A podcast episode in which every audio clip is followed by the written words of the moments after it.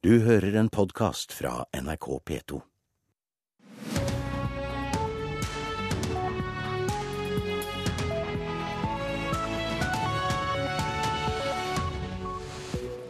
Klokka er 6.30, og det er torsdag 25. juni. Dette er hovedsaker i Nyhetsmorgen. I Bodø har Hunstadsenteret stått i brann i ti timer. Giftig røyk strømmer ut fra kjøpesenteret. Frankrike er en uunnværlig alliert, det sier USAs utenriksminister etter avsløringer av overvåkning av franske presidenter. Jevnlig oppdager bankene ansatte som snoker i kundeopplysninger, men vi har rett til innsyn. Ja, du kan faktisk fra banken din få eh, mappa di, for å si det sånn. Se hvem som har eh, sett på opplysningene dine.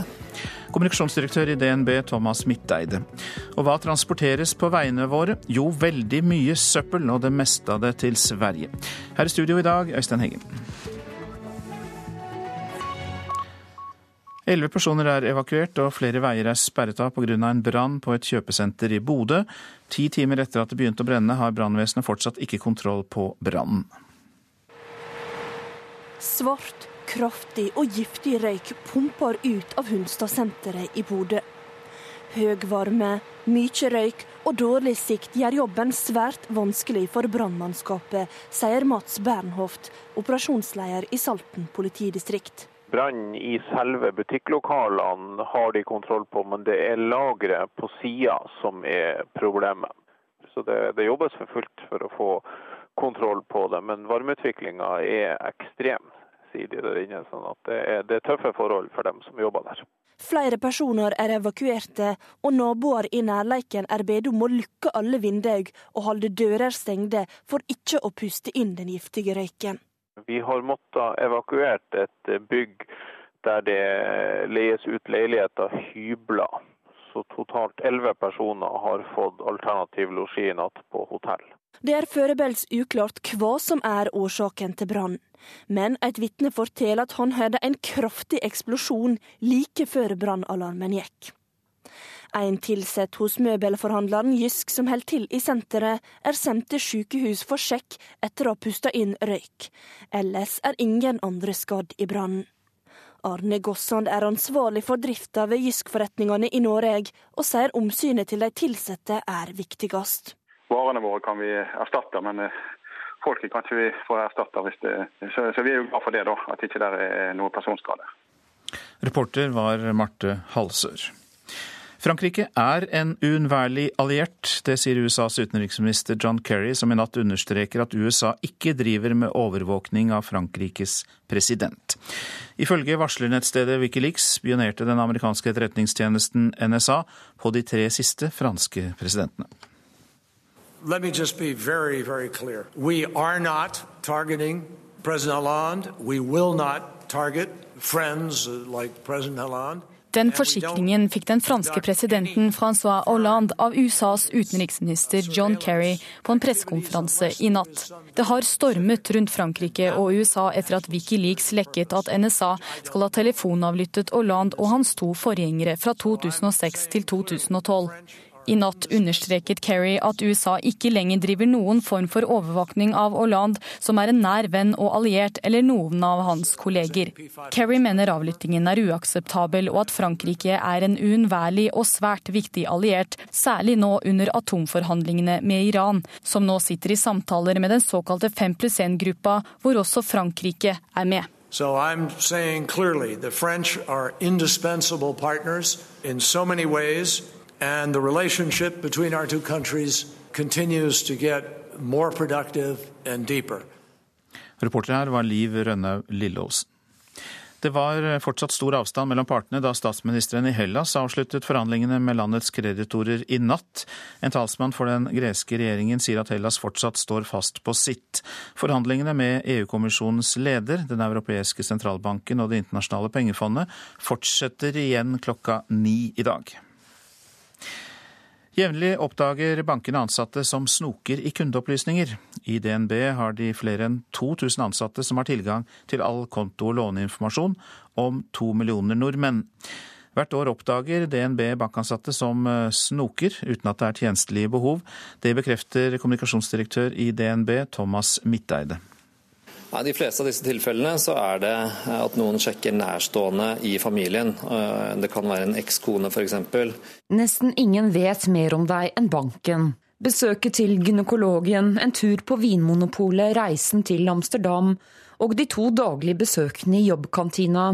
Hver gang penger går inn og ut av kontoen, dukker informasjon opp i bankenes datasystemer. I DNB har 2000 ansatte tilgang til alle kundedataene. Hos oss avdekker vi ca. to til fire saker i året, hvor det er folk som har vært inne og sett på opplysninger som de ikke har rett til. Banken vet naturlig nok mye om oss. Sier Helge Veum, avdelingsdirektør i Datatilsynet. Vi har omtrent en, en håndfull saker om det i løpet av et år. Men det er jo grunn til å tro at ikke all snoking blir oppdaget? Sånn er med system der hvor tilgangen er vide, eh, så vil det være mulighet for å gjøre oppslag uten at det blir avdekka. Trøsten får være at snoking uten såkalt tjenstlig behov er lettere å oppdage enn tidligere. I DNB jobber bl.a. tidligere politifolk for å avdekke uregelmessigheter, forteller Midteide. Det har blitt mye mindre snoking, tror jeg. Mye vanskeligere å gjøre det også. fordi at nå blir hvert eneste søk på deg som person registrert i systemet. Både med klokkeslett, hva personen har sett på og hvem det er. Vi har egne etterforskere som jobber med å eh, ettergå dette. Vi har et personvernombud som jobber med dette på fulltid, og vi trekker hvert eneste oppslag på dine opplysninger. Eh, hvilke muligheter har man til å sjekke hvem som faktisk har vært inne i kontoene dine? Ja, du kan faktisk fra banken din få eh, mappa di, for å si det sånn. Se hvem som har eh, sett på opplysningene dine. Navnene får du ikke, men det har selvfølgelig vi, sånn at vi kan ettergå at alt har gått i orden. Eh, hvilken refs er det disse ansatte får som driver med snoking?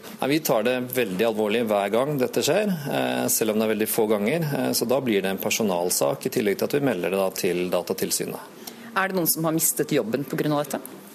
Ja, det kan jeg ikke si om, men det er veldig alvorlig, et veldig alvorlig overtramp hvis noen ser på opplysninger de ikke har rett til. Så det tar vi absolutt kjempealvorlig. Kommunikasjonsdirektør i DNB Thomas Midteide, og reporter var Line Tomter. Anders Brenna, riktig god morgen. God morgen.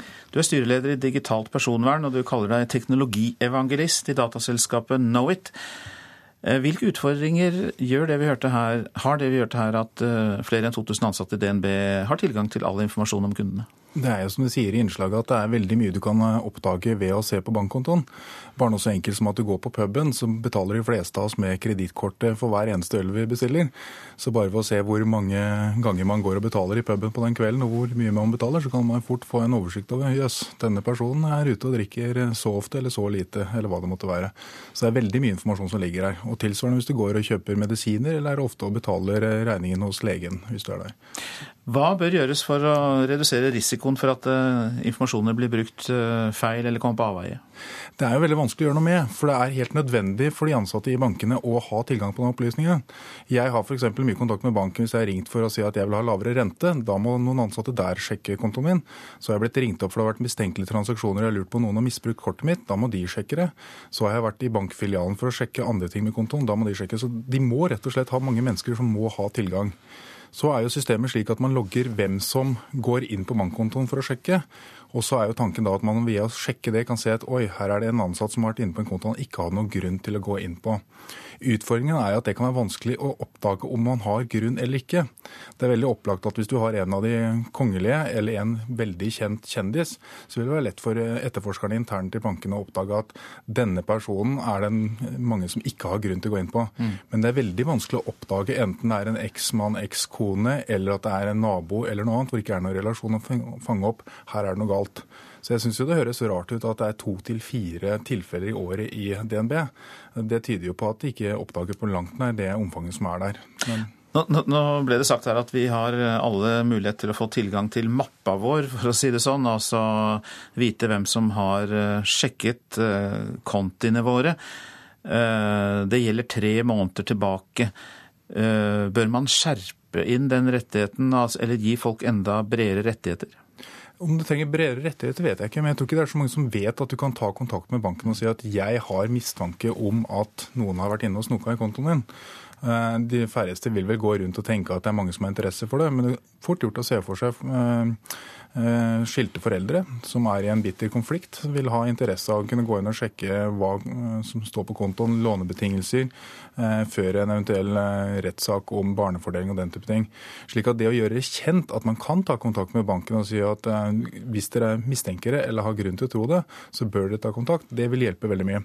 For hvis jeg hadde vært ansatt i en bank, men nå vet jo jeg litt om hvordan disse systemene fungerer, så hadde jeg aldri turt å gjøre det. Eh, en ting er at jeg ikke ville gjort det, men jeg hadde ikke turt å gjøre det, fordi det er faktisk mulig å oppdages. Eh, men hvis folk ikke vet at det er mulig å sjekke det, sånt, så vil det kanskje få velge å sjekke det, og da vil det heller ikke være så skremmende for ansatte eventuelt å snoke i det. Men eh, bør det stilles noen nye krav til bankene våre for å gjøre sikkerheten bedre? Det er vanskelig å sitte her og si at det bør bli bedre sikkerhet. fordi i det øyeblikket man lager strengere rutiner på det, så kan det bli vanskeligere hvis du står i utlandet og er nødt til å ringe banken din og si at du, nå står jeg her, jeg har problemer med kontoen, jeg får ikke betalt og, og står i en kinkig situasjon.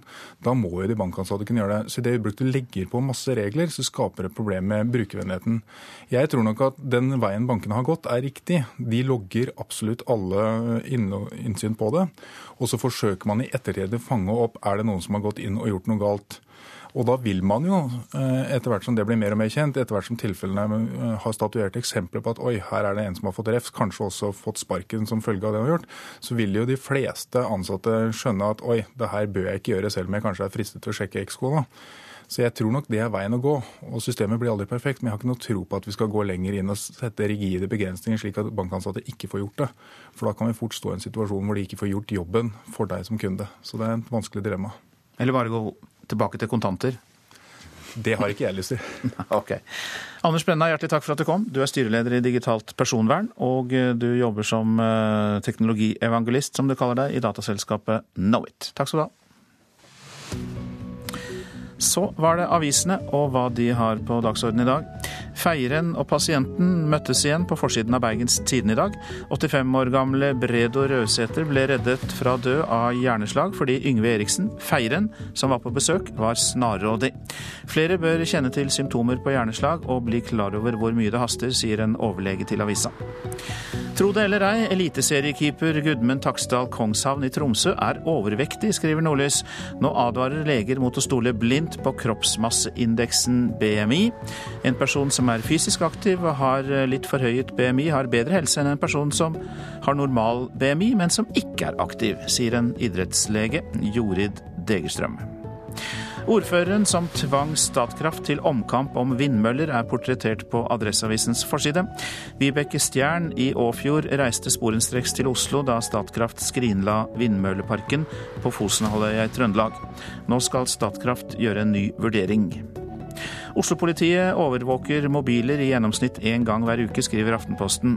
Falske basestasjoner kan gi politiet et bilde av hvilke personer som passerer et område eller er inne i en bygning, og de kan også brukes som hjelpemidler ved pågripelse og ransaking. Erna Solberg er uenig i kritikken av Frp, skriver Dagsavisen. Statsministeren sier at hun ikke frykter noe dobbeltspill fra Frp som kan svekke det borgerlige samarbeidet. Det er ikke noe nytt at man vil flagge sine primærstandpunkter, sier Solberg til avisa. Om eh, to år kan EasyJet eller Ryanair komme til å fly innenriks i Norge. Den som sier det, er SAS-sjef Richard Gustafsson. Til Dagens Næringsliv så sier statssjefen at han forbereder seg på mer konkurranse, for lavprisselskapene i Europa har bestilt hundrevis av nye fly. Bare villaskatt i Oslo er oppslaget i Klassekampen. I et notat, notat, fra Arbeiderpartiet før kommunevalget heter det at de fleste Obos-boliger ikke skal pålegges eiendomsskatt, og at det i hovedsak blir en villaskatt. Sendte død pappa som flaskepost, er oppslaget i VG. Engelske Nikki Welsh kastet en beholder med farens aske ut i havet fra Newcastle. Etter to år ble den funnet av Junina van der Hagen Nørgaard i Mandal. Og nå har hun fulgt oppfordringen som fulgte med, og oppdatert Brian Lynns minneside på Facebook. Og boksen med asken skal igjen kastes på havet. Rosenborg-trener Kåre Ingebrigtsen så sine spillere slå Tromsdalen hele 7-1 i cupen i går. Nå er man opptatt av toppkampen mot Molde på lørdag. Molde er også videre i kvartfinalen i cupen. Og vinner Rosenborg eliteseriekampen eh, til helgen, så blir det vanskelig for Molde å ta igjen trønderne. Rosenborg-trener Kåre Ingebrigtsen sier han har tenkt lenge på denne kampen mot Bodø.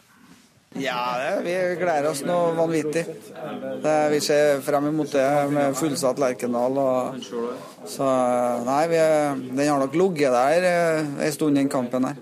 Det er to lag som er i flytsonen som møtes i toppkampen på Lerkendal på lørdag. Vinner Rosenborg er avstanden til Molde nede på femteplass 14 poeng, og da spørs det om Molde har noen sjanse til å ta igjen trønderlaget. Vi tenker på å slå Molde, det er viktig for oss. Det er tre poeng. Men det er ikke vi får ikke noen flere poeng mot Molde enn vi gjorde mot Sarpsborg. Hvis vi slår Molde, så, så kan det bli vanskelig for dem. Er games et match, da, omtrent? Nei, det er det jo det er det. Men det skal i hvert fall bli utrolig tøft for dem å, å komme tilbake da. Molde-trener Tor Ole Skullerud rokerte mye på laget i gårsdagens cupkamp som Molde vant greit 3-0 over Kvikk Halden. Skullerud sier han er glad for at det er flere nå som melder seg på i kampen om å komme med i startelveren på lørdag. Det er, det, er, god konkurranse i troppen, og det er eh, mange som har lyst til å spille og mange som, eh, som står på hardt for å få spille. Så, så jeg er glad når jeg ser, eh, ser, mange i dag som ikke har spilt førstelagskamp på en stund, som, som leverer bra. Reporter her var Pål Thomassen. Klokka den er 6.46 eh, der, og vi har disse hovedsakene i Nyhetsmorgen. I Bodø har Hunstadsenteret stått i brann i ti timer. Giftig røyk strømmer ut fra kjøpesenteret. Brannvesenet har fortsatt ikke kontroll på brannen. Frankrike er en uunnværlig alliert, det forsikrer USAs utenriksminister etter avsløringer av overvåkning av tre franske presidenter. Jevnlig oppdager bankene ansatte som snoker i kundeopplysninger. I DNB har flere enn 2000 ansatte tilgang til all konto- og låneinformasjon. Men vi kan be om innsyn i hvem som har sett på opplysningene våre. Næringsminister Monica Mæland mener Arbeiderpartiet må ta sin del av ansvaret for arbeidsløsheten i oljenæringen. Hun mener nemlig at de rød-grønne burde gjort mer i sin regjeringstid. Svaret på det er åpenbart eh, ja. De satt åtte år i regjering, i år hvor det gikk veldig bra i Norge. Og i altfor liten grad hadde de fokus på den omstillingen vi aldri har visst måtte komme. Så både den forrige regjering og den nåværende regjering har et ansvar for å gjennomføre nødvendige omstillinger for å legge til rette for nye eh, arbeidsplasser og ny sysselsetting. Arbeiderpartiets leder Jonas Gahr Støre svarer at regjeringen i stedet for å snakke om de rød-grønne, burde bruke tiden på å jobbe med det som er dagens situasjon. Søppeltransport utgjør en stadig større del av transporten på norske veier. Selv i sjømatfylket Nordland har nå mengden søppel passert transport av sjømat, og er klart størst i antall tonn. Det viser tall i en ny undersøkelse. Krav om gjenvinning og lave norske strømpriser er forklaringen. Nu ska vi väga in bilen tom innan det är dags för lastning och sen väga ut med last på så de får antall kilo som far. Vogntogsjåfør Kari Kenteme fra Sverige kjører inn på avfallsmottaket på Vikan i Bodø. I dag skal han hente restsøppel og kjøre det 40 mil sørover til søppelforbrenningsanlegget i Umeå i Sverige. Det gjør han ofte. Det lastes jo hver dag rundt hele Nord-Norge. Jeg tror denne bedriften har vel en 25 biler som laster søppel. Og det ruller på 52 uker per år. Om lag hver femte lastebil på veiene i Nordland kjører nå søppel. Søppeltransporten har blitt størst, og er til og med større enn transporten av fisk og annen sjømat. Det forteller daglig leder i Transportutvikling AS i Narvik, Stig Nerdal. Her er oversikten over de enkelte bransjene vi har vurdert. Vi har jo ikke vurdert alle bransjer i Nordland, men, men de fleste. Og de viser transportbelastninga på vei for de enkelte bransjene. Og mange vil sikkert synes at det er litt uh, pussig, men de største transportene på vei i Nordland fylke, det er faktisk avfallstransporter. Og de avfallstransportene de er heller ikke komplett. For at i dette bildet her så har vi tatt de transportene som går ut fra de enkelte avfallsselskapene. Vi har ikke tatt med all inntransporten til, eh, til de enkelte avfallsselskapene. Så det er egentlig mer enn det her viser. Etter at nye miljøforskrifter la ned forbud mot deponering og krav om gjenvinning og forbrenning i 2009, har mengden søppel på norske veier økt kraftig.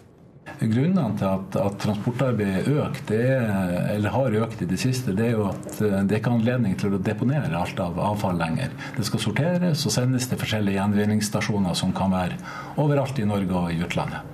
At det kjøres så mye søppel overrasker den svenske sjåføren, men Kentema er klar over at forbrenningsanlegget i Umeå henter søppel fra hele Norge til sin energiproduksjon. Jeg har en kompis som har kjørt søppel fra Oslo opp til Umeå. Og det må jo koste å frakte det. Det burde jo finnes nærmere mulighet. I Sverige har det lenge vært lønnsomt å gjenvinne energi fra søppel. Der betaler kunden om lag én krone for hver kilowattime. Her hjemme nærmer strømprisen seg en tiendedel av den svenske. Derfor er det ikke lønnsomt med søppelforbrenning lokalt. Det forteller administrerende direktør ved avfallsmottaket Iris Salten, Leif Magne Gjelseng. Det er jo utreda å ha et forbrenningsanlegg i Salten for restavfall. Og Det viste seg at det var en mye dyrere løsning enn å sende det ut. Men han vil ikke være med på at det er miljøfiendtlig å sende søpla så langt med bil for å få den brent.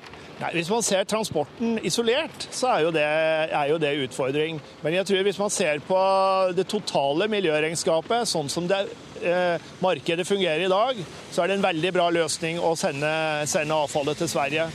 I fjor betalte søppelmottaket i Bodø om lag 16 millioner kroner for å få restsøpla sendt til Sverige og brent der. Sjåfør Kenteme syns det er en god ordning.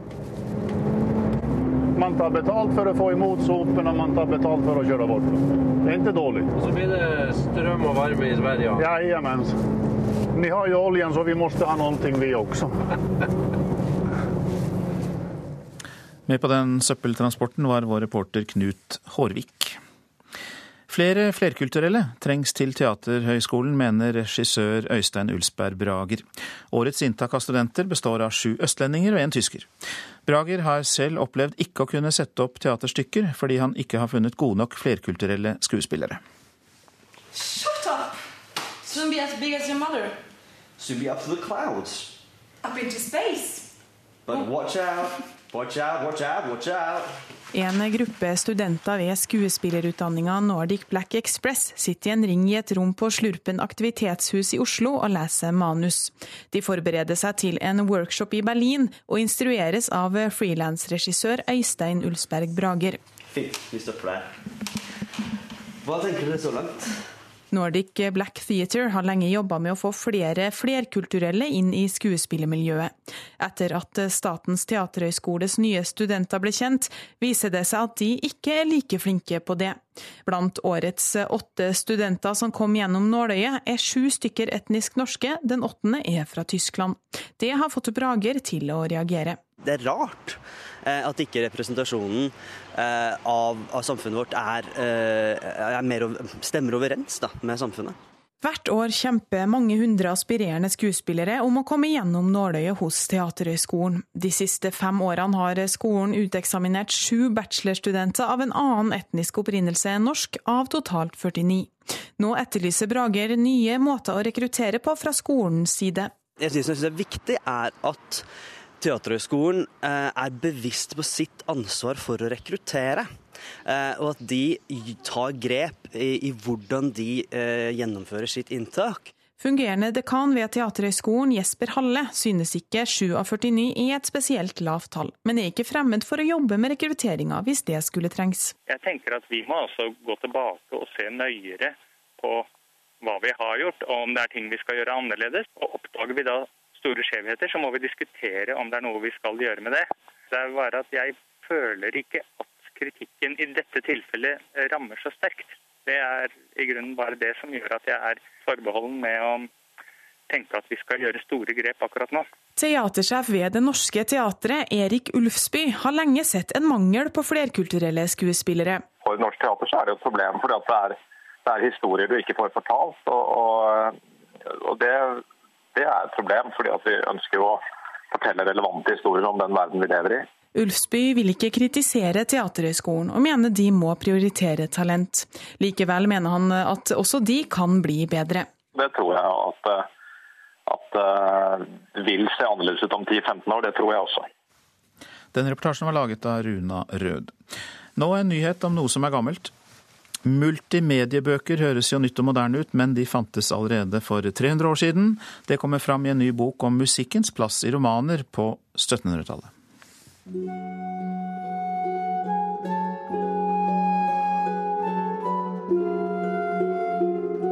Jeg vil si at det tar eh, kanskje ca. hele livet.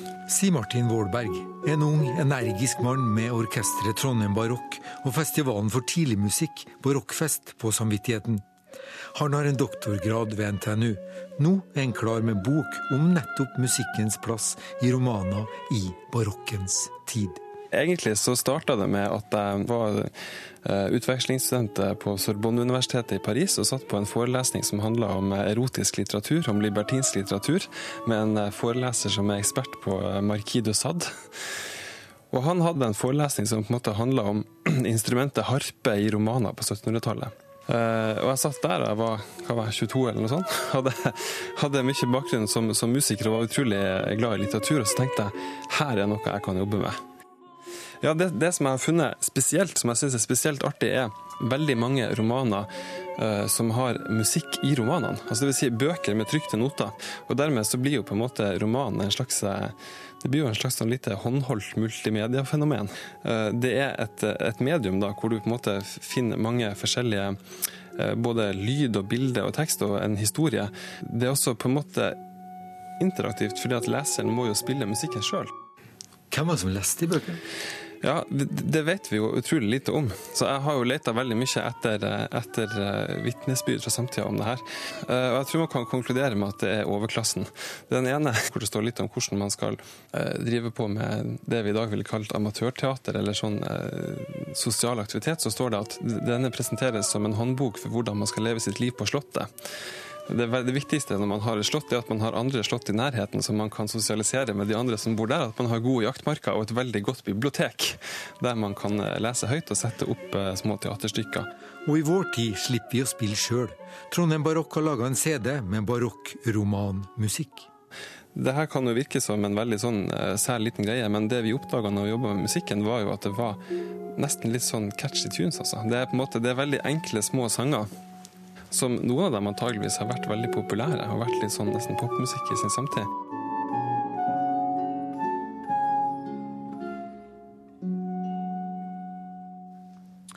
Reporter her, det var Lars-Erik Skjærseth. Det blir eh, ingen streik i oljeindustrien. Klokka to i natt ble Fagforbundet Industri Energi og Norges Rederiforbund enige om en ny lønnsavtale for de ansatte på flytende rigger, og det skjedde da meklingen var på overtid. Forbundsleder i Industri Energi, Leif Sande, sier at oppgjøret er akseptabelt. Så tar vi for oss eh, værvarselet. Fjell i Sør-Norge, enkelte regnbyger i nord og vest, sludd- og snøbyger i høyfjellet. For øvrig stort sett oppholdsvær. Østlandet først på dagen enkelte regnbyger i nordøst, ellers stort sett oppholdsvær. Fra i ettermiddag enkelte regnbyger i hele dette området, kan hende med torden også. Telemark får oppholdsvær og perioder med sol, lokale regnbyger fra i ettermiddag. Aust-Agder får for det meste pent vær, kort og godt. Vest-Agder på kysten vest og nordvest liten kuling, av og til stiv kuling mellom Oksøy og Lindesnes. I kveld minkende vind. Det blir delvis skyet til dels pent vær i Vest-Agder. Rogaland nordvest liten kuling på kysten lengst sør. For det meste skyet vær, enkelte regnbyger, vesentlig da nord i Rogaland. Hordaland regn og regnbyger. Sogn og Fjordane regn. I ettermiddag eh, dreining til nordvest bris. Skyet eller delvis skyet, enkelte regnbyger. Møre og Romsdal skyet eller delvis skyet og enkelte regnbyger. Trøndelag får også for det meste skyet vær i dag, og enkelte regnbyger. I ettermiddag etter hvert regn i nord, og i kveld blir det også mer regn sør i Trøndelag.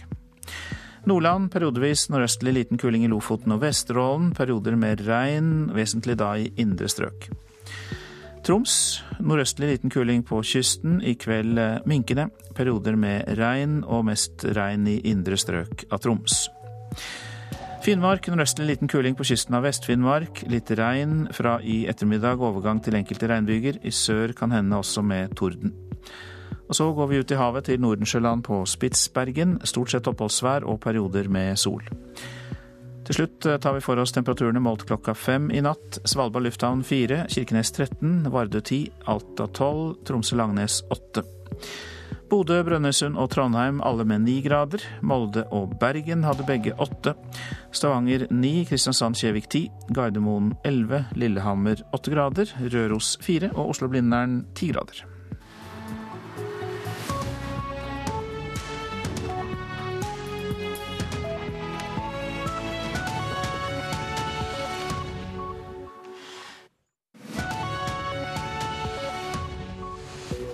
Nyhetsmorgen fortsetter med disse sakene. Vi skal sørge for å oppdatere deg om storbrannen i et kjøpesenter i Bodø, som vi hørte om i Dagsnytt nettopp. Promille, mangel på flytevest og godt voksne menn. Ja, det er stikkordene for mange av dødsfallene med fritidsbåt. Norge øker hjelpen til Nepal etter jordskjelvet. Vi skal snakke med utenriksminister Børge Brende, som nå besøker landet. Og sørlandskrabben får du knapt tak i på Sørlandet. Den, får, den du får kjøpt der, er importert fra Vestlandet og Trøndelag.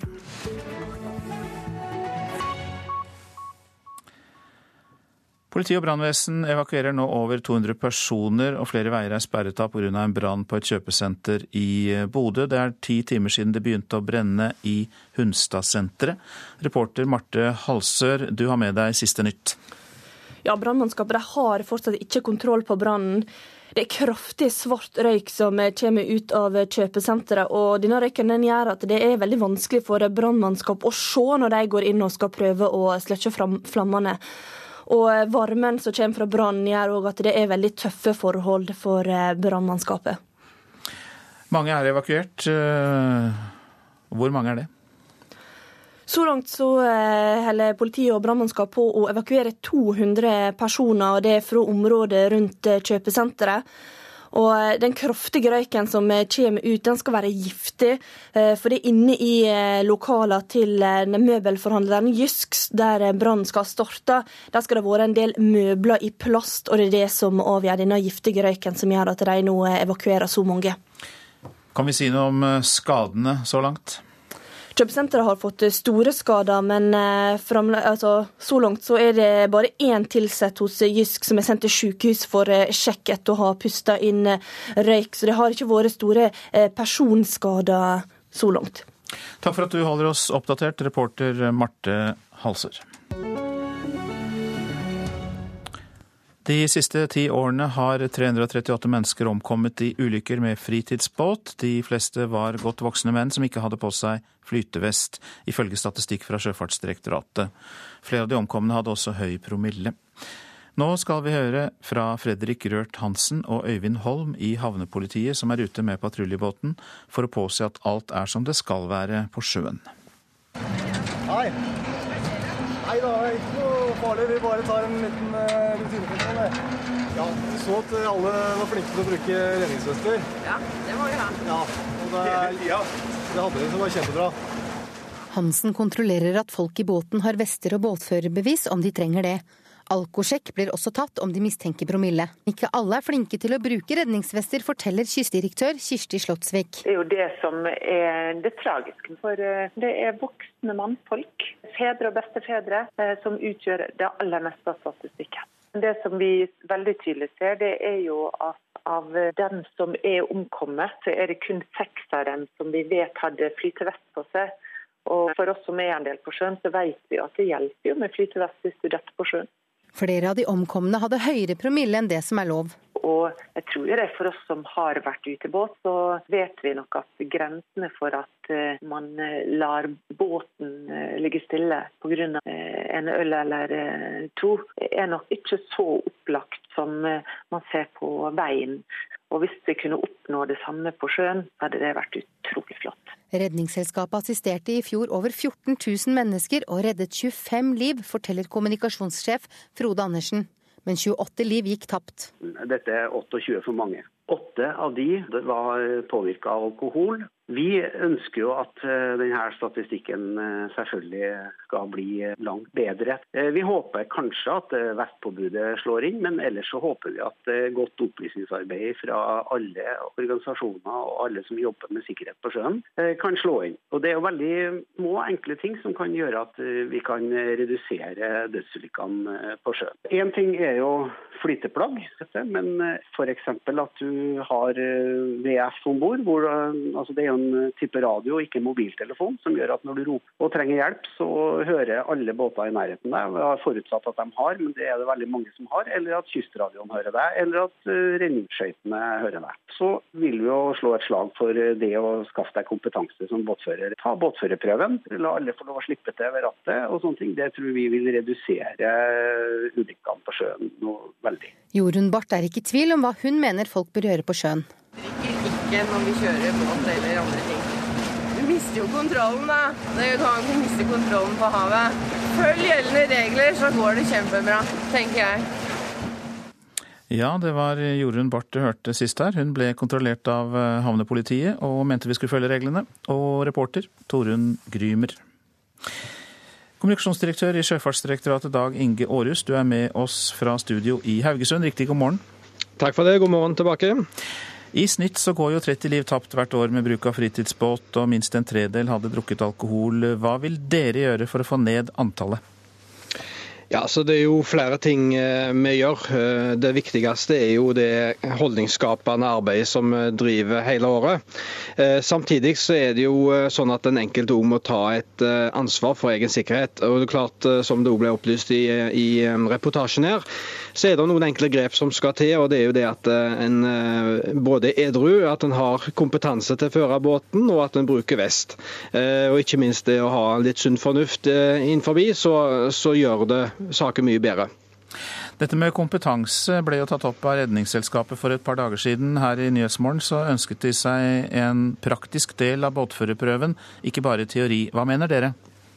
Altså, Vi har eh, dagens regelverk som vi forholder oss til, og der har vi nettopp også revidert eh, båtførerprøven. og Så må det også sies at det er faktisk også mulig i dag å ta en praktisk prøve hvis en tar eh, det som da heter internasjonalt båtførerbevis. Det innbefatter også en praktisk utsjekk. Sånn at Vi forholder oss til den prøven som vi har i dag, og vi mener at den også fungerer bra og er et, sånn sett et, et slags lavterskeltilbud og, og gir en viktig kompetanse for de som skal føre fritidsbåt. Ok, dere forholder dere til reglene som er i dag, men eh, for å tenke høyt, eh, kunne det være mulig å innføre praktisk prøve for eh, alle? Ja, Nå har vi som sagt en båtførerprøve som vi nylig har revidert. og, med, Vårt budskap ut til båtførerne er jo at de òg benytte seg av den muligheten som er i dag til ta båtførerprøven, uavhengig av om de på en måte er omfattet av uh, regelverket som sier hvem som skal, må ta den og hvem som ikke må ta den. Så Vi anbefaler alle båtførere å ta båtførerprøven, så gir den en teoretisk og god kompetanse på både vikepliktsregler og det som gjelder når du skal ut og føre fritidsbåt på sjøen. Men pålagt for alle er det jo ikke? Det er ikke pålagt for alle per i dag, men vi anbefaler alle å ta prøven. Uh, uavhengig av om, om, du er nødt til å ta den eller ikke. Ok. Kampanjevideoen 'Klar for sjøen' har jo tatt helt av i sosiale medier. altså Det er videoen med den late, men edru mannen som ankrer opp uten problemer, mens den andre båtføreren har drukket og han sliter. Er det kampanjer av denne typen som har millioner av klikk på nettet, som er det vi trenger? Ja, så jeg synes det er veldig spennende. Vi er jo med i denne kampanjen som heter Klar for sjøen. og, og Da er det veldig hyggelig å se at, eh, at den kampanjevideoen de har lagd, eh, slår såpass godt an. Den er iallfall med å, å trekke fram et viktig budskap. Det er nemlig det å være edru når en fører fritidsbåt. Så, eh, så det blir spennende å se videre respons på, på både det kampanjearbeidet som vi driver der, og andre områder. Men er det ikke først og fremst kanskje de klikkeglade ungdommene som ser den, og kanskje lærer litt av den, mens uh, de godt voksne mennene som er i stort flertall blant de omkomne, kanskje ikke får det med seg? Ja, Det er vanskelig å si hvem som får med seg, men han har iallfall nådd veldig langt ut. Eh, hvis vi ser på både hvor mange som har sett eh, videoen og ikke minst det omfanget han har. Og så vet vi jo det at òg voksne menn er, og voksne folk generelt er jo veldig aktive på sosiale medier. Så, så jeg tenker at det er iallfall en god arena å få fram den type kampanjearbeid. Da. Vi får håpe det. Dag Inge Aarhus, takk skal du ha. Du er kommunikasjonsdirektør i Sjøfartsdirektoratet.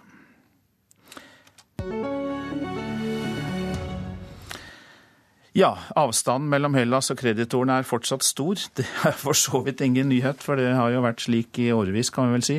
Men eh, det er forhandlinger i Brussel. De ble brutt i natt, men fortsetter klokka ni. Derfor er du her, utenriksmedarbeider Jan Espen eh, Kruse. Og eh, hvor alvorlig er bruddet i forhandlingene i natt? Ja, Disse grekerne de spiller jo fortsatt eh, veldig høyt i forhold til EU og de andre kreditorene. Eh, de har eh, hensyn å ta hjemme på hjemmebanen. De må virkelig vise at de er tøffe i disse forhandlingene. Men ekspertene de er allerede på beina for å forberede de nye forhandlingene, som begynner altså klokka ni. Og så kommer finansministrene i eurosonen sammen klokka ett i dag. Sånn at det, det er ting på gang her. Hva er det først og fremst de greske lederne ikke vil gå med på? Det er disse svære budsjettkuttene kuttene som de kjemper mot med nebb og klør. Eh, kreditorene forlanger at eh, budsjettene må ned. Eh, grekerne må spare penger. Isteden så vil den nye, altså den nåværende greske regjeringen øke skattene. Det syns Det internasjonale pengefondet er en dårlig idé, for det, det vil bremse kraftig på økonomien, sier de. Så, og så gjelder det naturligvis pensjoner. Det vil være forferdelig upopulært i Hellas å redusere pensjoner ytterligere, det, det er noe også som er et stridsspørsmål i disse samtalene i eh, Brussel. Hvor hardt er det observatørene tror Hellas er presset nå? Hvilken fase er vi nå? Er vi helt i en sånn sluttfase? Ja, vi er jo det. fordi eh, det er altså førstkommende tirsdag. De må ut med 1,5 milliarder euro. Og dette disse pengene de har de rett og slett ikke. Eh, så enhver en som skal ut og låne penger og nærmer seg konkursen, vil jo forstå at eh, man er veldig, veldig pressa. Og dette er jo bare det første avdraget. Så kommer det jo en rekke andre enda mye større avdrag bare noen måneder utover. Sånn at eh, de er forferdelig pressa. Derfor kan man nesten ikke annet enn å bli litt imponert over den motviljen de klarer å, å, å mønstre i forhandlingene i Brussel. Mange takk skal du ha, utenriksmedarbeider eh, Jan Espen Kruse. Dette er Nyhetsmorgen, og klokka den går mot 7.15. Vi har disse hovedsakene. I Bodø så har Hunstad-senteret stått i brann i hele natt. Giftig røyk strømmer fortsatt ut fra kjøpesenteret. Mange er evakuert. Promille, mangel på flytevest og godt voksne menn, det er stikkord for mange av dødsfallene med fritidsbåt. De siste ti årene har 338 mennesker omkommet i slike ulykker. Og eh, vi skal høre at sørlandskrabbe får du knapt eh, kjøpt på Sørlandet. De islamske terrorgruppene sør i Russland sier de nå vil tilhøre terrorgruppen IS i Midtøsten. Eksperter mener det er et eksempel på at disse gruppene nå er svake, og heller sender krigere til Syria og Irak enn eh, å slåss mot den russiske staten.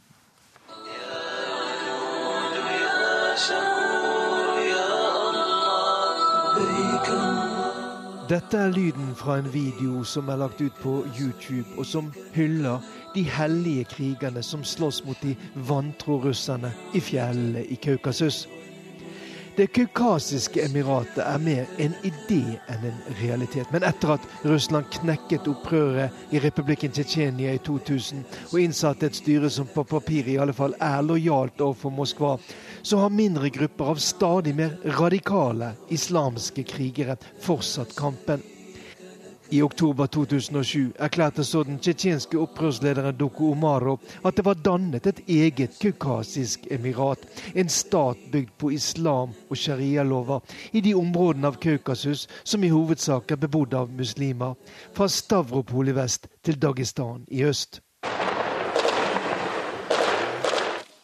Men russiske myndigheter, støttet av mer moderate krefter i området, har ført en nådeløs kamp mot de radikale gruppene. Dette er lyden fra en aksjon i Dagestan så seint som i april i år, da en mindre gruppe ekstremister rett og slett ble sprengt i luften i huset de holdt til i. Det har lenge vært kjent at mange russiske muslimer har dratt til Midtøsten for å slutte seg til radikale grupper der, som bl.a. slåss mot regimene i Irak og Syria.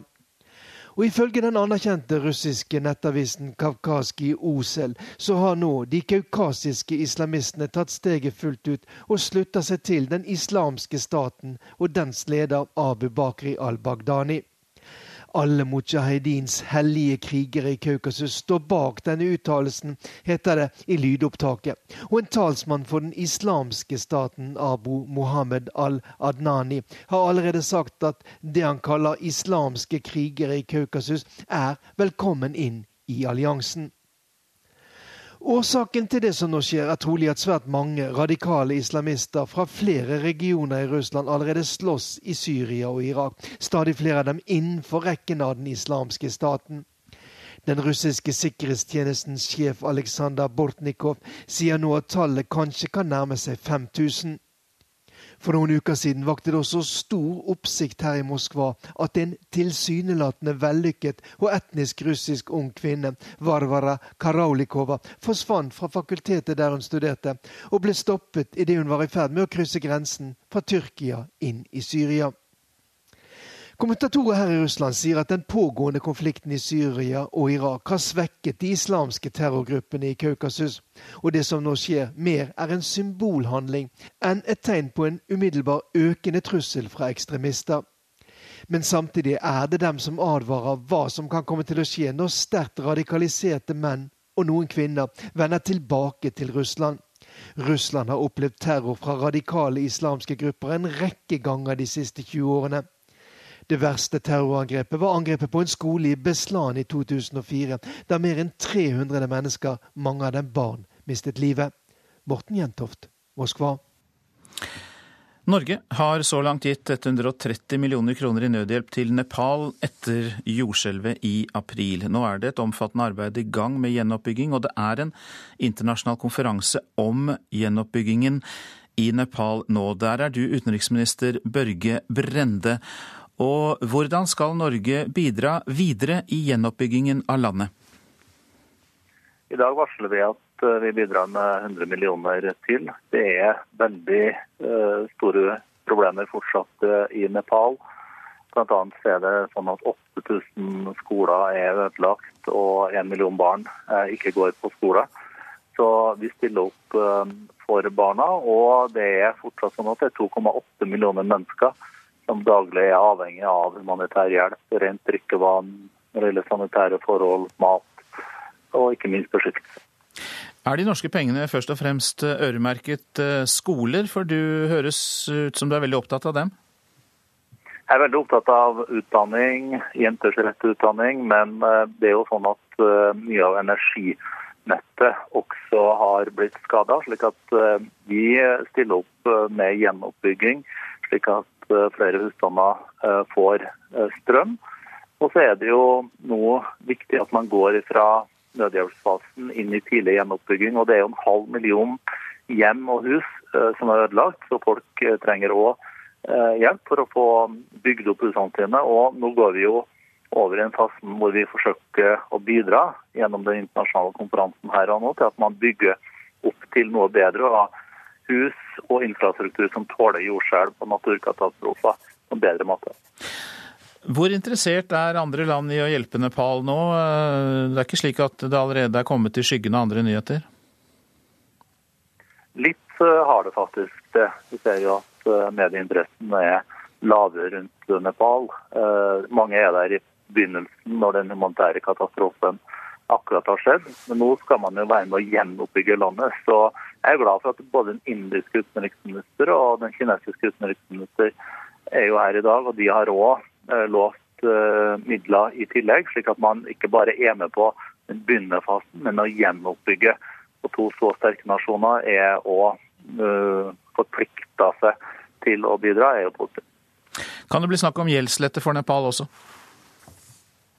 Hvis Nepal ber om det som en prioritet, så eh, vil vi eh, også si til uh, ikke minst Verdensbanken at eh, det bør man sette på dagsorden. I de samtalene jeg har hatt med statsministeren og finansministeren her, så er det de nå har prioritert, det er jo utdanning, skoler, dette med å få strømnettet opp og gå, ikke minst et langsiktig samarbeid rundt dette å utnytte enorme vannkraftpotensialet eh, de har i Nepal.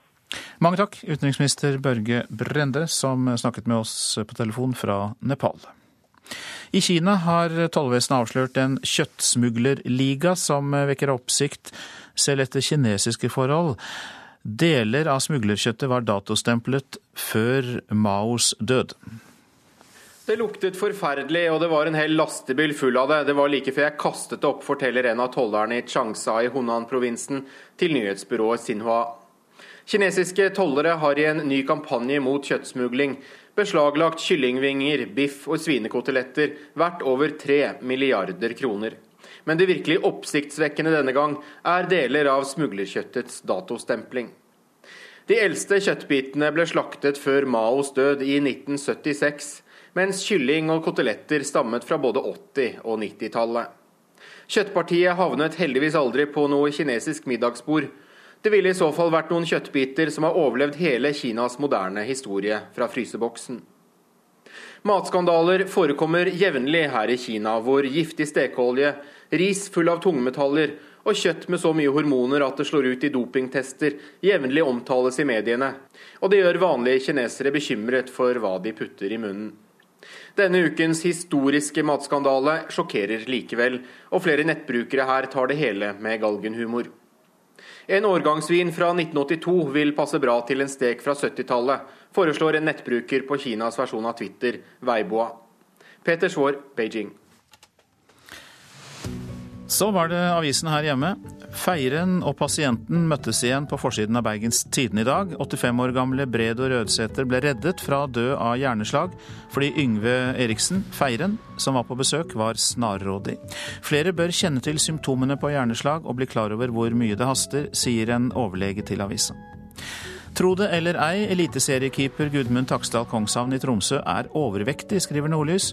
Nå advarer leger mot å stole blindt på kroppsmasseindeksen BMI. En person som er fysisk aktiv og har en litt forhøyet BMI, har bedre helse enn en person med normal BMI som ikke er aktiv, sier idrettslege Jorid Degerstrøm. Ordføreren som tvang Statkraft til omkamp om vindmøller, er portrettert på Adresseavisens forside. Vibeke Stjern i Åfjord reiste sporenstreks til Oslo da Statkraft skrinla vindmølleparken på Fosenhalvøya i Trøndelag. Nå skal Statkraft gjøre en ny vurdering. Oslo-politiet overvåker mobiler i gjennomsnitt én gang i uka, skriver Aftenposten. Falske basestasjoner kan gi politiet et bilde av hvilke personer som passerer et område eller er inne i en bygning. De kan også brukes som hjelpemidler ved pågripelse og ransaking. Erna Solberg er uenig i kritikken av Frp, skriver Dagsavisen. Statsministeren sier at hun ikke frykter noe dobbeltspill fra Frp som kan svekke det borgerlige samarbeidet. Det er ikke noe nytt at man vil flagge sine primærstandpunkter, sier Solberg til avisa.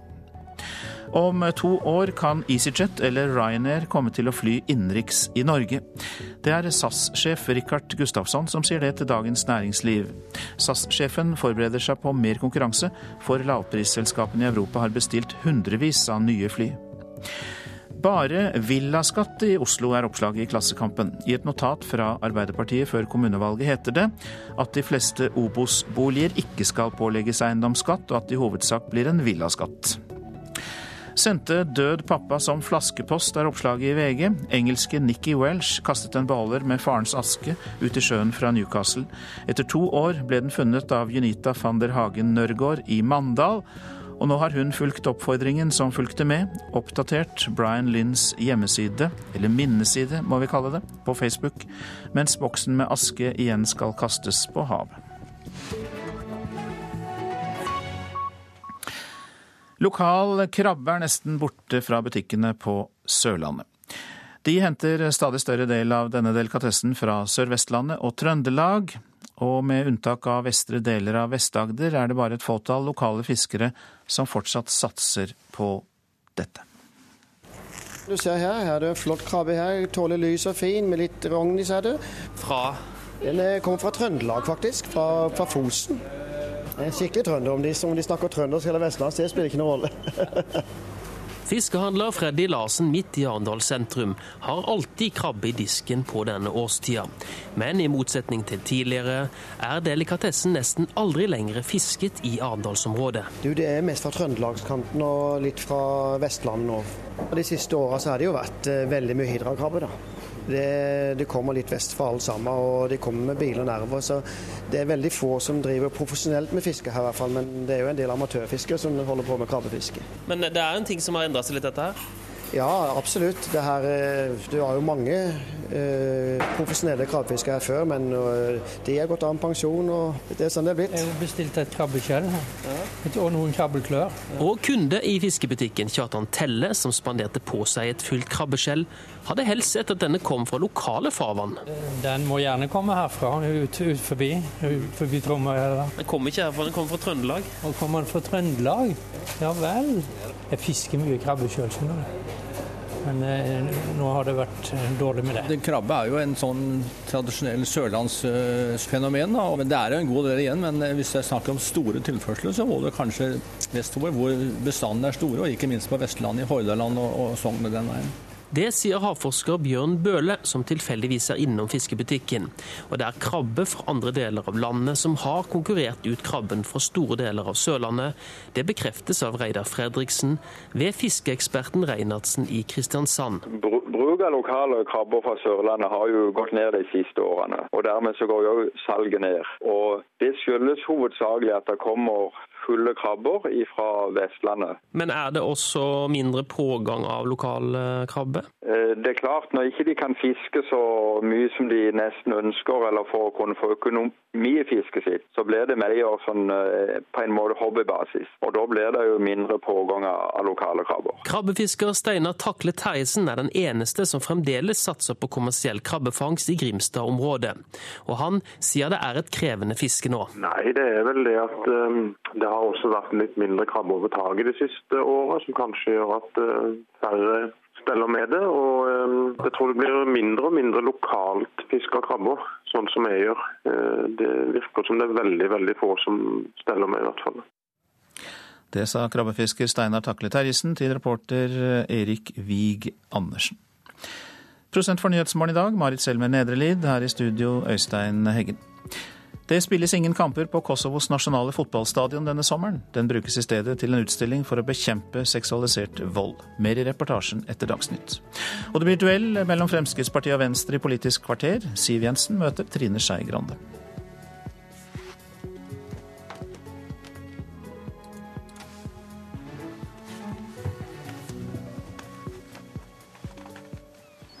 Sommer i P2.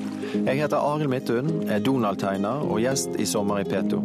Jeg vil tegne radiobilder fra den afrikanske savannen, den internasjonale romstasjonen og den lille, isolerte påskeøya. Sommer i P2. I dag klokken ti.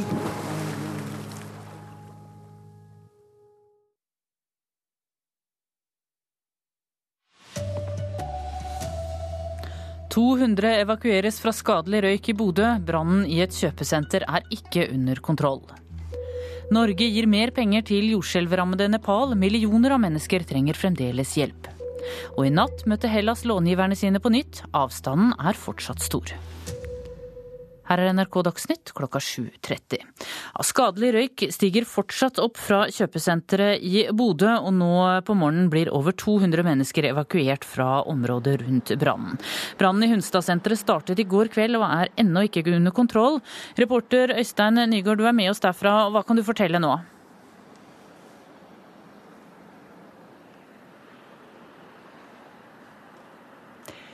Reporter Øystein Nygaard, kan du høre oss fra studio? Nei, da får vi se om vi kan uh, få til uh, Få til uh, det. Så går vi videre så lenge. Da skal vi høre at Norge gir ytterligere 100 millioner kroner i nødhjelp til Nepal. Det er nå tre måneder siden det kraftige jordskjelvet som rammet åtte millioner mennesker.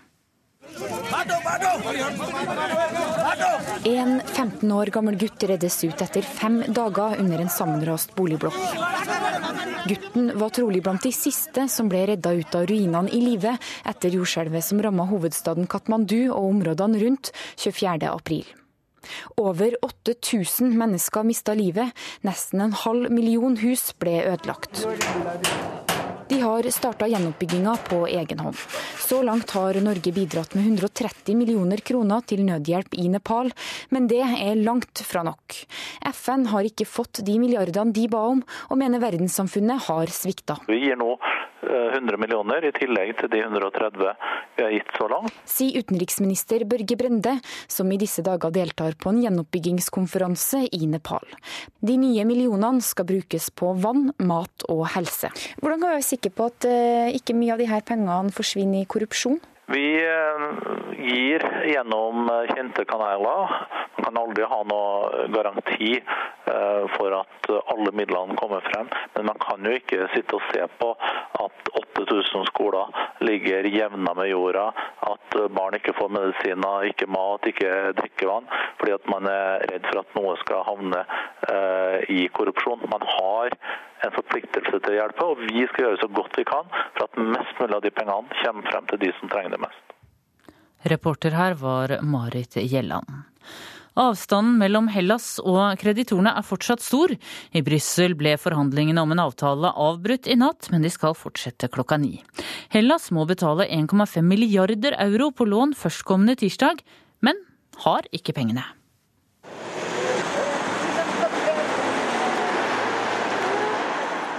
En bilkortesje med den greske statsministeren Alexis Tsipras forlater forhandlingslokalene i Brussel i natt. Tsipras sier ikke noe til journalistene, men i en uttalelse fra en regjeringstalsmann heter det at forhandlingene ble avbrutt i natt. Avstanden mellom Hellas og kreditorene er fortsatt stor. Hellas har ikke vært villig til å gjennomføre så omfattende budsjettkutt som det kreditorene krever. Vi har ikke kommet fram til noen avtale, sier EUs økonomikommissær Pierre Moscovici.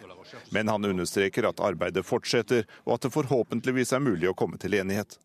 Forhandlingsdelegasjonene skal komme sammen igjen klokka ni, og en gruppe eksperter har allerede begynt å forberede disse samtalene. De greske lederne har nå et voldsomt press på seg. Førstkommende tirsdag skal Hellas betale 1,5 milliarder euro på et lån. Dette er penger landet ikke har. Grekerne må inngå en avtale med EU, Den europeiske sentralbanken og Det internasjonale pengefondet for å få tilgang til nye og friske penger. Reporter Jan Espen Kruse. Så om ulykker til sjøs. De siste ti årene har 338 mennesker mistet livet i ulykker med fritidsbåt. Storparten av dem som dør på sjøen er godt voksne menn som ikke har på seg rednings- eller flytevest. Og flere av dem har hatt høy promille. Fredrik Rørt Hansen og Øyvind Holm i havnepolitiet er ute med politibåten for å passe på at alt er som det skal. Nei det er ikke noe farlig. Vi bare tar en liten uh, rutinekontroll så at alle var flinke til å bruke redningsvester. Ja, det må vi ha. Hansen kontrollerer at folk i båten har vester og båtførerbevis om de trenger det. Ikke alle er flinke til å bruke redningsvester, forteller kystdirektør Kirsti Slottsvik. Det som vi veldig tydelig ser, det er jo at av dem som er omkommet, så er det kun seks av dem som vi vet hadde flytevest på seg. Det er voksne mannfolk som utgjør det aller meste av statistikken. Flere av de omkomne hadde høyere promille enn det som er lov.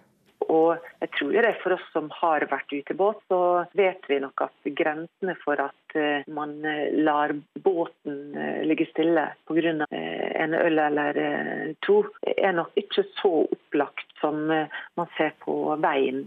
Redningsselskapet assisterte i fjor over 14 000 mennesker og reddet 25 liv, forteller kommunikasjonssjef Frode Andersen. Men 28 liv gikk tapt. Dette er 28 for mange. Åtte av de var påvirka av alkohol. Vi ønsker jo at eh, denne statistikken eh, selvfølgelig skal bli eh, langt bedre. Vi håper kanskje at vestpåbudet slår inn, men ellers så håper vi at godt opplysningsarbeid fra alle som jobber med sikkerhet på sjøen, kan slå inn. Én ting er jo flyteplagg, men så vil vi jo slå et slag for det å skaffe deg kompetanse som båtfører. Ta båtførerprøven. Jorunn Barth er ikke i tvil om hva hun mener folk bør gjøre på sjøen. Følg gjeldende regler, så går det kjempebra. Reporter her var Torunn Grymmer. Da skal vi tilbake til Bodø, der 200 mennesker altså er evakuert nå pga. brannen i Hunstad-senteret. Reporter Øystein Nygaard, hva kan du fortelle fra brannstedet?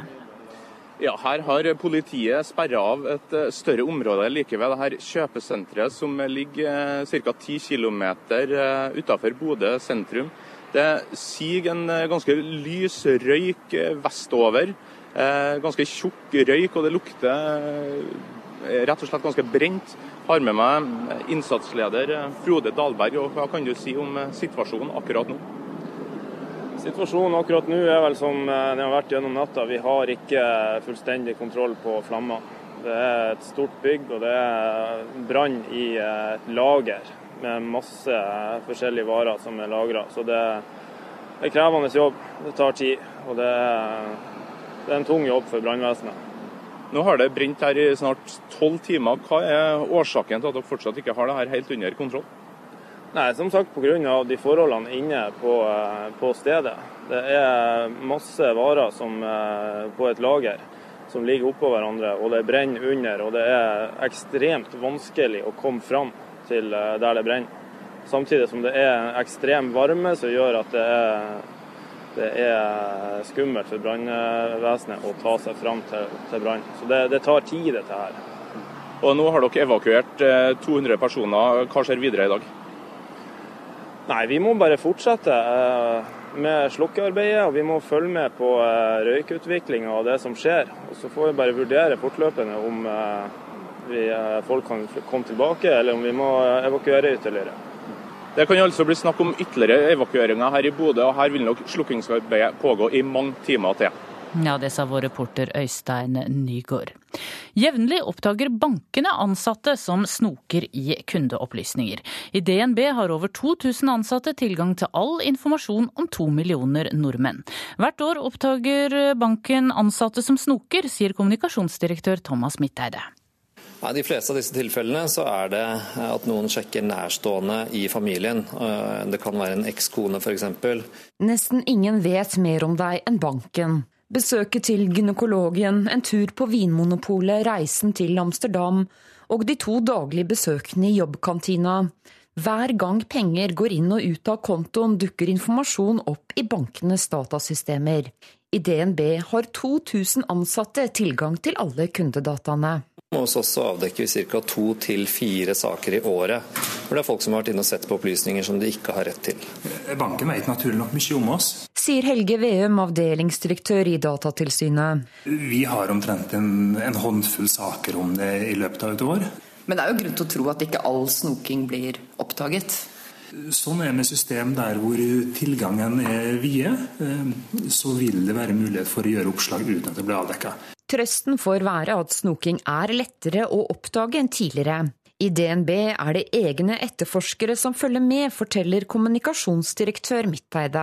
Det har blitt mye mindre snoking, tror jeg. Mye vanskeligere å gjøre det også. fordi at nå blir hvert eneste søk på deg som person registrert i systemet. Både med klokkeslett, hva personen har sett på og hvem det er. Ja, du kan faktisk fra banken din få eh, mappa di, for å si det sånn. Se hvem som har eh, sett på opplysningene dine. Navnene får du ikke, men det har selvfølgelig vi, sånn at vi kan ettergå at alt har gått i orden. Reporter her Line Tomter. I studio Tone Nordahl.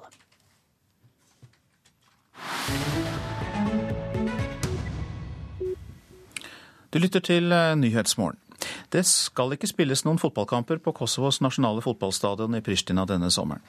Hele fotballbanen er dekket av klesstativ med tusener av kvinneklær, og det er et ledd i en utstilling som heter Tenker på deg.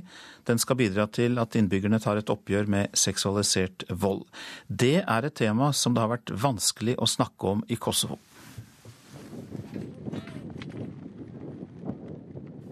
Vinden blåser kraftig på den nasjonale fotballstadion i Pristina, hovedstaden i Kosovo. Den grønne gressmatta er innbydende, men det er ingen fotballspillere som skal opptre her. Hele banen er dekket med rekker av klesstativ. 5000 kjoler og skjørt blafrer i vinden. Mellom klesradene går en kjent kunstner. Alketa Mripa er brite, men født i Kosovo. We are gathered here today at the football stadium uh, in Pristina um, and um, for the art installation Thinking of You, which is dedicated to the survivors of sexual violence during the war. Dette er en utstilling vi har kalt Tenker på deg. Den er til ære for de mange kvinner som er blitt utsatt for seksualisert vold, kvinner som ikke har fått den hjelp og anerkjennelse som de fortjener, sier hun til nyhetsbyrået Ap. Finally, the time came for them to get some recognition and some help that they deserved. Det er ikke dem og vi, fortsetter kunstneren som henger opp flere klesplagg. Hun mener det er på tide at nasjonen inkluderer ofrene, ikke stigmatiserer dem. Kvinner som ble utsatt for seksualisert vold under krigen mot Serbia i 1998 og 1999, har ikke hatt en arena der de har fått snakket ut om det vonde som skjedde. So with this installation, basically what we're doing is um, uh, bringing the whole society as one, uh, where it's not them and us, because that's how they kind of feel and they're being portrayed by the society. To modeller fra Kosovo poserer på catwalken i New York. Rita Ora og Donna Karan er blant kjendiser som støtter den spesielle kunstutstillingen i hjemlandet. Mange kjente mennesker fra Kosovo oppmuntrer kvinner som blir utsatt for seksualisert vold, om å ta bladet fra munnen. Sannheten bør fram i lyset.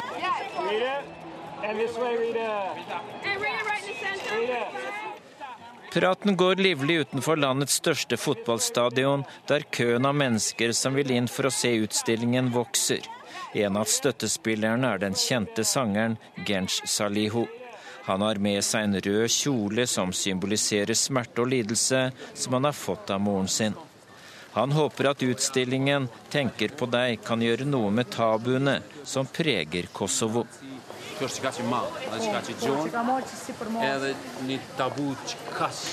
På fotballstadion henger kjoler og skjørt som kvinner hadde på seg da overgrepene skjedde.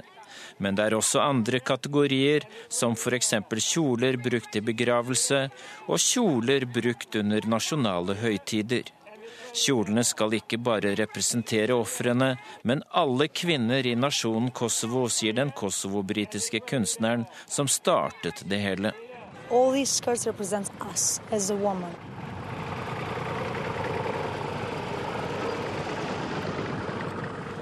Vi husker kanskje TV-bildene fra 1998. Tusener av desperate Kosvalbanere på flukt, sittende tett i tett på traktorer og lastebiler. 10 000 mennesker ble drept i krigen som endte med at Kosovo ble løsrevet fra Serbia. Det er høye mørketall, men trolig ble tusener av kosovalbanske kvinner voldtatt og mishandlet. Klesstativ på landets fotballstadion skal få folk til å tenke. 5000 kjoler og skjørt skal bli et verktøy for å bearbeide 16 år gamle traumer. Så reporter Dag Bredvei. Dette er hovedsaken i Nyhetsmorgen. 200 personer er evakuert fra skadelig røyk i Bodø. Det er brann i et kjøpesenter som ennå ikke er under kontroll. Norge gir mer penger til jordskjelvrammede i Nepal. Millioner av mennesker trenger fremdeles hjelp til rent vann, mat og helse, sier utenriksminister Børge Brende.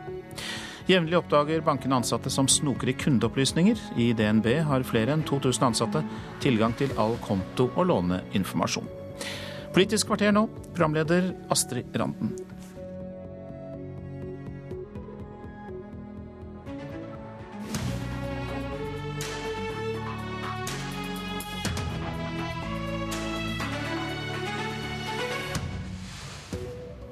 I Politisk kvarter i dag skal vi forsøke å finne ut om Frp er ett eller to parti. Trine Skei Grande påstår nemlig de er splitta. Siv Jensen tar til motmæle og sier Venstre må slutte med politisk spill. God morgen, dette er Politisk kvarter. Venstre-leder Trine Skei Grande, du sier det fins to Frp om dagen. Hvem er disse to? Nei, vi merka jo dette i Nydalen 2 etter vi satte oss ned sammen og, og prøvde å lage nye arbeidsrutiner mellom oss. Et forhold mellom Venstre og regjerings og regjeringspartiene har blitt mye bedre. Revidert gikk mye bedre. Mange saker i Stortinget har gått mye bedre. Landbruksoppgjøret gikk kjempefint. Og ja, vi, vi syns at vi er i god stim med mye av de sakene vi jobber med. Men på sida av det så har vi fått et, eh, et Frp i Stortinget som oftest har, nå har hatt saker der de har både gått imot regjeringa, og der det er en tone og en, en retorikk som, som, er ganske hard imot samarbeidspartiene. Så, så jeg liker veldig mye bedre det Frp ser i regjering, og så har det blitt veldig mye mer slitsomt på Stortinget. Du har sagt at Frp driver ei oppvisning i uakseptabel ansvarsløyse. På hva måte skyver Frp fra seg ansvaret? Nei, jeg må se den saken som fikk meg til å reagere, og det er mulig jeg er en sånn gammel parlamentariker som er opptatt av de vanlige spillereglene, men i trygdeoppgjøret så forhandla Robert Eriksson fram et trygdeoppgjør. Eh, hvis jeg hadde vært Robert Eriksson, så hadde ikke jeg likt at partiet mitt har gått imot det trygdeoppgjøret han sjøl hadde forhandla i Stortinget. Eh, og det som jeg tror er dumt med sånne saker, det er at det undergraver litt folk sin, sin tro på politikere når man kan sitte i ett rom og forhandle fram en avtale, for så å sitte i det andre rommet og være imot den avtalen man har forhandla fram. Er det lett for det å vite hvem av disse Venstre skal forholde seg til? Nei, vi skal forholde oss til det som er i regjering, vi skal forholde oss til det vi får flertall for på Stortinget. Så, så, og vi kan diskutere veldig mye om de, alt det vi faktisk får til nå, når det har blitt mye bedre samarbeidsforhold. Av det gode grønne skiftet som vi skal få til, av kunnskapspolitikken som vi holder på å få til, av de store reformene som vi jobber med sammen, som okay. vil være med å forandre Norge. Mm. Frp-leder eh, Siv Jensen. Trine Skei Grande sier altså her at hun forholder seg det er det Frp som er i regjering, og ikke det på Stortinget. Gjør hun riktig i det? Nei, for det er Fremskrittspartiets eh, stortingsrepresentanter som stemmer for alle de sakene regjeringen legger frem, som sørger for at Venstre får gjennomslag for de tingene de er opptatt av. Det er altså sånn at ikke ett av regjeringens medlemmer stemmer i Stortinget. Eh, det syns jeg er verdt å huske på at eh, vi er avhengig av. At det blir stemt riktig på Stortinget, at det blir forhandlet godt mellom partiene på Stortinget. For at eh, regjeringen skal få gjennomslag for mest mulig, og for at de to samarbeidspartiene skal ha innflytelse. Så Skei Grande bør forholde seg til Frp på Stortinget mer enn regjering? Det er bare ett Fremskrittsparti. Og vi samarbeider mellom stortingsgruppen og regjering, mellom alle våre fylkeslag, alle våre um, aktive rundt omkring i hele landet for å få mest mulig gjennomslag for Fremskrittspartiets politikk. Jeg er stolt av den altså innsatsen som veldig mange av våre folk legger ned hver eneste dag. Skei Grande hevder altså at det finnes to partier? Det er ett Fremskrittsparti. Vi står for eh, det partiprogrammet vi har gått til valg på. Vi står for den samarbeidsavtalen vi har inngått med, mellom de fire partiene. Og vi gjør det vi kan for å få gjennomført mest mulig av den regjeringsplattformen vi regjerer på. Men Robert Eriksen la altså fram et trygdeoppgjør som gir pensjonistene eh, svekka kjøpekraft. Men Frp på Stortinget stemmer for at pensjonistene skal få mer. Hvem bør en høre på? Frp i regjering som kutta, eller Frp på Stortinget som vil gi mer? Man kan f.eks. Eh, lytte til den landsmøtetalen jeg holdt i eget parti, eh, hvor jeg understreket den bekymringen jeg hadde for årets trygdeoppgjør.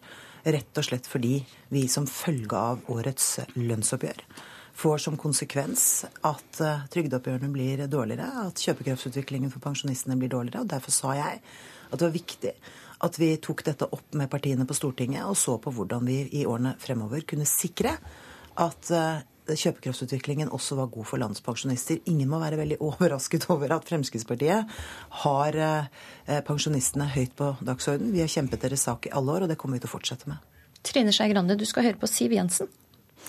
Ja, og, og, så er det litt forskjell på sakene her, syns jeg. Jeg, jeg, blir ikke, jeg blir ikke provosert i hele tatt av at Frp er skeptisk til at vi skal ta imot flere flyktninger. Det er ikke noen nyhet. Det er en sak som kommer fra Stortinget. Det er ikke et initiativ fra regjeringa. Eh, det er et flertall på Stortinget. og og flertall på Stortinget er nå et flertall på Stortinget, uh, uansett. Så den saken som mange har blitt veldig provosert over, ble ikke jeg så provosert over. Men det er at når, man, når saken kommer fra regjeringa, så, så, føles det veldig annerledes. Og jeg må si at hvis jeg hadde vært statsråd, så hadde jeg syntes det vært ordentlig kjipt. Men, men det, det, som er viktig å få til her, det er hva, hvordan vi klarer å lage arbeidsrutiner på borgerlig side som både bygger tillit, men som også over tid gjør at vi klarer å få til de store løftene som vi skal gjøre gjennom. Og nå ser jeg at det er en sånn stor debatt om hvem det er som har skylda for at arbeidsledighetstallene eh, øker. Det er vel stort sett oljeprisen, og oljeprisen stilte ikke til valg. Men, og da, da må vi sørge for at vi klarer å få grep om de store utviklingstrendene i Norge, bl.a. få bekjempa med arbeidsledighetstallene. Eh, og da, da, er det viktig at vi, at vi henger sammen både i storting og regjering. Og henger sammen gjør ikke Frp for tida? Eh, det jeg merker meg, det er at et Frp har lov til å stemme mot egen statsråd, men når jeg sier Venstres primærstandpunkt på søndagshandel, så får jeg beskjed om at jeg er illojal mot regjeringa. Jeg har aldri gjort noen avtale på, på den saken, og jeg syns kanskje ordbruken ikke henger helt i sammen med egen egen måte å, å, forvalte det mandatet på. Da. Jeg tror ikke man skal skape et inntrykk av at Fremskrittspartiets stortingsgruppe har for vane å stemme mot det regjeringen legger frem. Snarere tvert imot så sitter de og forhandler med Venstre og Kristelig Folkeparti hver eneste dag i alle komiteer for å sikre eh, at det blir en flertallsløsning som alle partiene kan leve godt med. Så er jeg helt enig med Trine Skei Grande i at vi nå har store utfordringer å jobbe sammen om. Og jeg har jo lyst til å dra debatten over på det sporet også, fordi i de aller fleste sakene jobber de fire partiene godt sammen. Og vi får til den fornyelsen av landet som vi hadde som ambisjon da vi satt i Nydalen før valget. Eh, nei, unnskyld, etter valget. Um, og nå er det altså en del utfordringer som vi er nødt til å løse. Jeg syns det blir litt patetisk å se de angrepene som Støre nå kommer med. Fordi disse såkalte handlingsplanene som de skilter med, er helt innholdsløse. Men nå er, ikke konkrete... Støre her til å Nei, men svare jeg mener på dette er er disse programleder, Rett og slett fordi han skaper et inntrykk av at eh, han har noen sånne quick fix på den økende arbeidsledigheten vi nå ser. Det fins ikke noe quick fix på det. Rett og slett fordi olje- og gassrelatert næringsliv skal bli mindre, og da må vi skape nye arbeidsplasser i andre deler av næringslivet. La oss ikke ta angrepet på Støre, siden han ikke er her. Men du anklaga Venstre for å drive politisk spel mot Frp. Hvordan grunngir du dette? Jeg har sagt at det er viktigere at vi diskuterer de sakene som vi nå må gjennomføre for å endre Norge. Vi må over på omstillingen av norsk økonomi. Vi må klare å sørge for at flere bedrifter skaper nye arbeidsplasser i eh, andre næringer fordi olje- og gassrelatert industri skal ned. Det kommer fortsatt til å være en viktig næring. Jeg har sagt det er viktig at vi Det var ikke spørsmålet mitt. Hva er, hva er det Venstre driver med? Hvorfor driver Venstre politisk spill? Jeg syns det er unødvendig å eh, diskutere spill i stedet for å diskutere politikk. og Det er derfor jeg sier at vi nå må diskutere de lange løsningene for norsk økonomi. Vi må diskutere løsningene for å få en bedre skole. Vi må diskutere løsningene for hvordan vi skal eh, få enda mer fart på infrastrukturutbyggingen, som vi allerede driver med rekordbygging i. Eh, og det gjøres bare i et samarbeid mellom de fire partiene, for det er der flertallet eh, etableres. Trine Skei Grande, på Stortingets sin talerstol på fredag så kom Frp med anklager om at du og Høyre hadde bråte samarbeidsavtaler. I Politisk kvarter på mandag ville i dette studio ville ikke Siv Jensen svare på om hun mener at dette var et brudd på samarbeidsavtaler. Bør Siv Jensen nå avklare hva hun mener? I Venstre så har vi bestemt oss for at når vi mener et samarbeidsavtalen er brutt, så er det jeg som skal si det. Og vi skal ha en prosess på å faktisk si det. Og inntil den er brutt ikke noen andre i stortingsgruppa di? Nei, vi har, vi har, blitt enige om at det er en ting vi bør snakke sammen om før, vi, før noen av oss slår fast. Og så har vi også blitt enige om at eh, enten så er den brutt, eller så er den ikke brutt. Den er ikke litt brutt. Eh, og jeg skjønner ikke helt hvilken avtale det er vi skulle ha brutt her heller. Men eh, venta du nå ei avklaring fra Siv Jensen på dette? Jeg tror at det er bra at både statsministeren og, og finansministeren og Knut Arild og jeg jevnlig sier at det, den avtalen vi har, er faktisk ganske god, og faktisk har et uh, godt handlingsrom for å få til gode løsninger for Norge. Og hvis vi hele tida skal true med hverandre med at nå bryter vi eller nå bryter vi, så da tror jeg vi lager et spill som velgerne blir litt lei av. Siv Jensen. Ja. Kan du avklare, er samarbeidsavtalen brutt, altså, slik Christian Tybring-Gjedde sa? Du påstod at jeg ikke ville avklare det sist jeg var i Politisk kvarter. Det jeg sa, eh, var egentlig det samme som Skei Grande nå sier, nemlig at det er partilederne som eh, har ansvaret for å tolke det. Og jeg sa også at i den grad jeg har behov for det, så gjør jeg det sammen med de andre tre partilederne, og ikke her i studio. Men kan du ikke da si til velgerne og til Trine Skei Grande om du mener at denne samarbeidsavtalen nå er brutt? Er ikke det noe folk må få vite? Jo, det skal de få vite hvis eh, vi avklarer det oss fire imellom. Men det, det, som, det, det som, er utgangspunktet for hele denne diskusjonen, handler om eh, at Stortinget på fredag besluttet å ta imot 8000 eh, syriske flyktninger til Norge, noe Fremskrittspartiet er imot. Og vi har understreket med all mulig tydelighet hvorfor vi mener det er gal politikk, hvorfor vi mener det er bedre å hjelpe flere i nærområdene, og hvorfor vi mener dette påfører norske skattebetalere unødvendig høye kostnader. Ja, Det vet vi, men høre, du hadde en stortingsrepresentant ja, så... som sto i Stortinget og sa at samarbeidsavtalen den er bråte. Trine Skei Grande sier samarbeidsavtalen er ikke bråte. Kan du avklare om du mener samarbeidsavtalen er brutt eller ikke. Og så har vi fått høre av de andre partiene på Stortinget at det å fremme forslag om en folkeavstemning er useriøst. Vel, det er altså en sak som engasjerer det norske folk ganske mye. Hvis man er ute og snakker med folk, uansett hvor i landet man er, så er dette noe folk kommer til meg og tar opp. Dette har de et sterkt engasjement for. Og Derfor blir jo dette også en veldig viktig sak gjennom hele kommunevalgkampen, rett og slett fordi det vedtaket Stortinget gjorde på fredag, får store konsekvenser for landets kommuner. Og da kan jo folk bruke kommunevalget til å sette sammen kommunestyrene sine slik de mener eh, at deres interesser blir best mulig ivaretatt. Trine Skei Grande, fikk du ei avklaring nå på om Siv Jensen mener samarbeidsavtalen er brutt? Jeg regner med at hvis Siv Jensen mente at hun har brutt, så sa hun i hvert fall at da hadde hun kommet til å inntalt meg til et møte fort for å fortelle meg at jeg har gjort. Og har, ikke fått, det, har ikke fått noen sånn innkalling. Mener det er flere problematiske sider ved det Stortinget gjorde. Også fordi vi samme dag stemte over eh, revidert budsjett, eh, som er en del av eh, det helhetlige budsjettet. Her ble det også da inngått en avtale i Stortinget med budsjettkonsekvenser som selvsagt ikke Fremskrittspartiet var en del av. Så jeg mener det var flere uheldige ting ved det. Det har vi skjønt. Ja, Men var det et brudd på samarbeidsavtalen? Det jeg lure på. Derfor har jeg også sagt at dette er en sak det er viktig at de fire partilederne snakker om, og det har vi foreløpig ikke fått anledning til å gjøre. Ja, Vi fikk en avklaring på dette. Ja, det som er klart er at Vi har en avtale der vi skal forhandle om budsjetter, og vi skal først gå til hverandre. Eh, og, det, og, her satte vi oss ned alle sammen for å forhandle. Eh, og så forlot Frp de, de forhandlingene. Eh, og jeg mener at det har Frp full rett til å gjøre. Eh, og jeg er heller ikke så forundra over at man ikke hadde lyst til å signere en sånn type avtale. Men vi satte oss ned og forhandlet. Vi, vi, hadde som mål å få til en bred enighet. Det var statsministeren som inviterte til den forhandlingen. Noe som jeg syns var veldig klokt av henne. Og da, da, mener jeg at da har vi holdt oss til ganske punkt og prikke det i avtalen. Og skulle vi se at dette ikke var et toppunkt i i samarbeidet, og at det er ikke sånn vi skal gjøre det i alle saker framover. Det tror jeg alle kan være enige om. Hva skal til for at det nå får mer orden på dette samarbeidet, og får faktisk snakka om de lange linjene, som det begge er veldig opptatt av. Siv Jensen, hva må Venstre gjøre for å bli mer konstruktive? Altså, gjennomgående har vi god orden på dette samarbeidet. Vi får gjennomslag for de aller fleste saker vi samarbeider om. Eh, vi skaper flertall i de aller fleste saker, og veldig mange saker er i hvert fall ikke gjenstand for diskusjon her i Politisk kvarter, fordi vi blir enige.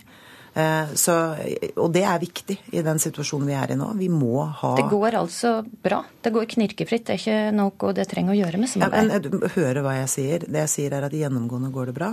Men så er det av og til saker som eh, si, får litt bluss på lampene i, hvor det er sterkt engasjement. Alle vet at det er stor uenighet mellom Venstre og Fremskrittspartiet i enkeltsaker som av og til får blod til å bruse litt, litt, fortere i årene våre. Og da må vi sette oss ned og finne svar på det. Okay. Men måten å gjøre det på er å respektere hverandre. Kort til slutt, Trine Skei Grande, hva mener du må gjøres for å bedre samarbeidet?